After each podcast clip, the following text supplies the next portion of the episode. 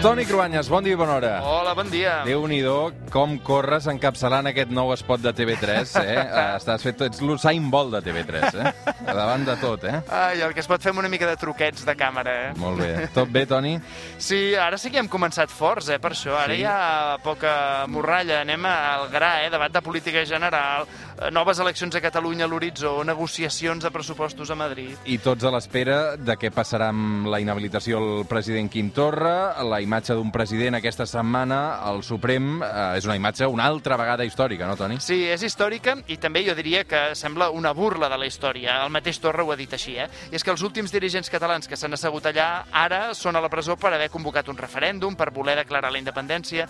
Els anteriors van ser els membres del govern de Lluís Companys a la Segona República. Recordem que Companys va acabar fusellat pel franquisme i que ara que hi hagi el president Torra per haver penjat una pancarta al balcó de la Generalitat, això és històric però també és rocambolesc. He vingut a Madrid a mirar els ulls del tribunal que vol fer caure un altre president de la Generalitat.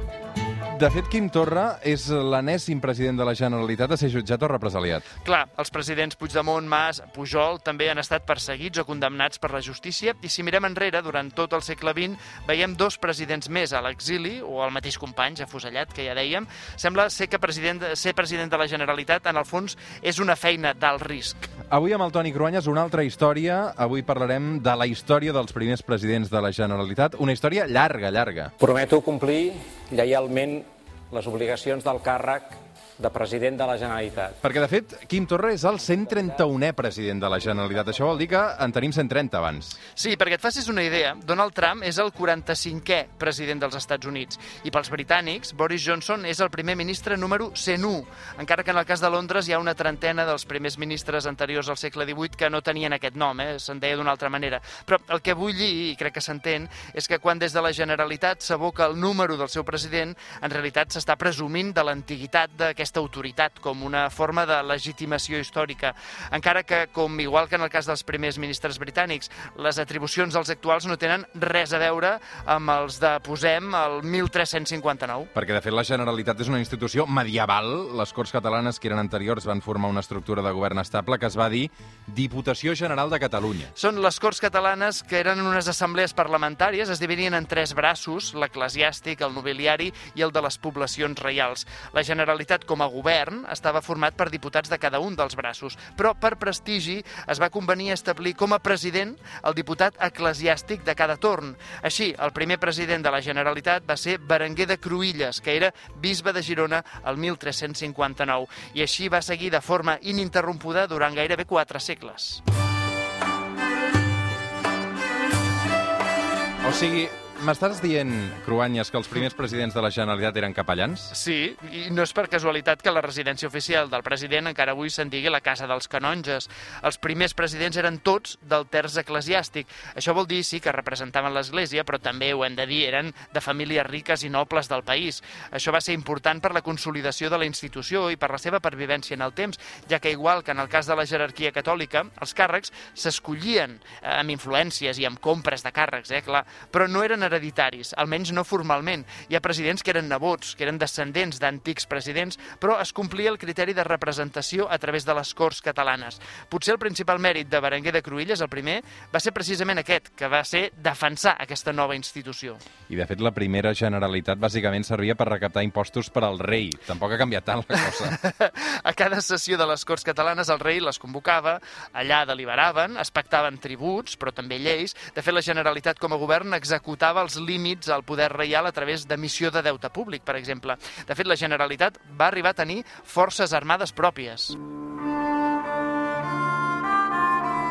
Toni, a molts presidents de la Generalitat els va tocar fer la guerra, però sobretot també fer de gestors. Sí, de, de polítics en el sentit més modern del, te del terme, perquè havien de fer equilibris entre els interessos divergents moltes vegades dins de la societat catalana, i això fer-ho compatible amb la voluntat del rei, i en el cas de Catalunya sempre sota l'amenaça de les potències veïnes de Castella i de França. De tots els presidents medievals, mira, te'n destaco un amb aquest perfil, Alfons de Tous. Va ser el dotzè president, al segle XIV.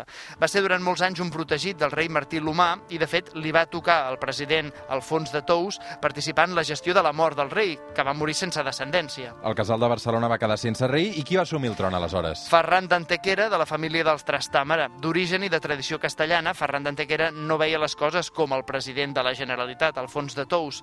Ell hi va intentar influir, però ja en els primers dies del regnat de Ferran d'Antequera es va veure que les coses serien difícils. I Alfons de Tous, 12è president de la Generalitat, és qui va comprar l'actual Palau, l'actual Palau de la Generalitat, a Sant Jaume l'any 1400. Sí, el patrimoni i la importància de la Generalitat va anar creixent mica en mica, però clar, els presidents gestors sempre són avorrits per la història, així que anem a un altre president guerrer i traslladem-nos a l'època de la Guerra dels Segadors, del Corpus de Sang. Aquest és un president molt abocat, és un dels preferits dels historiadors de tots els temps, el 94è president, Pau Claris. Ell és el que va portar a Catalunya a la lluita contra el rei Felip IV i el comte duc d'Olivares en defensa de les institucions pròpies i dels drets en els anys 1638 fins al 1641.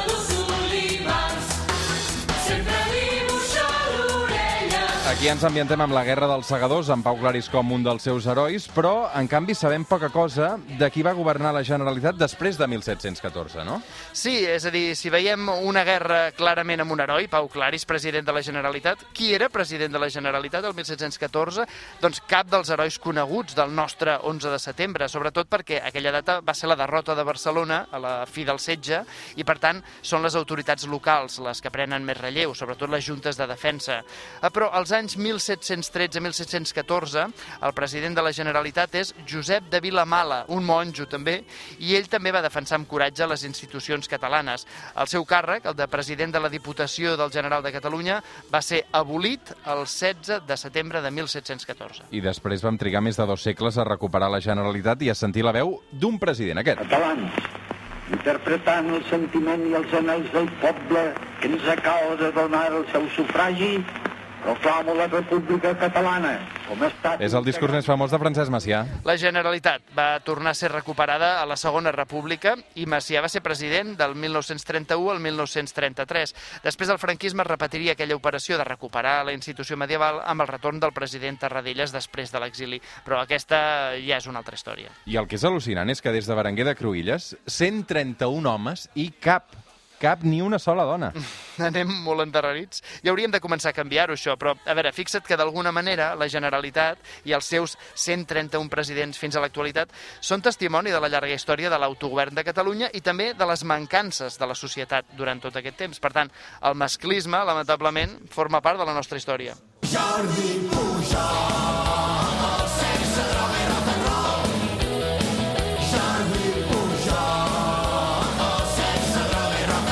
Avui fins les 9 del matí amb aquesta cançó mítica de Brahms que tu, tu segur... Això t'havia...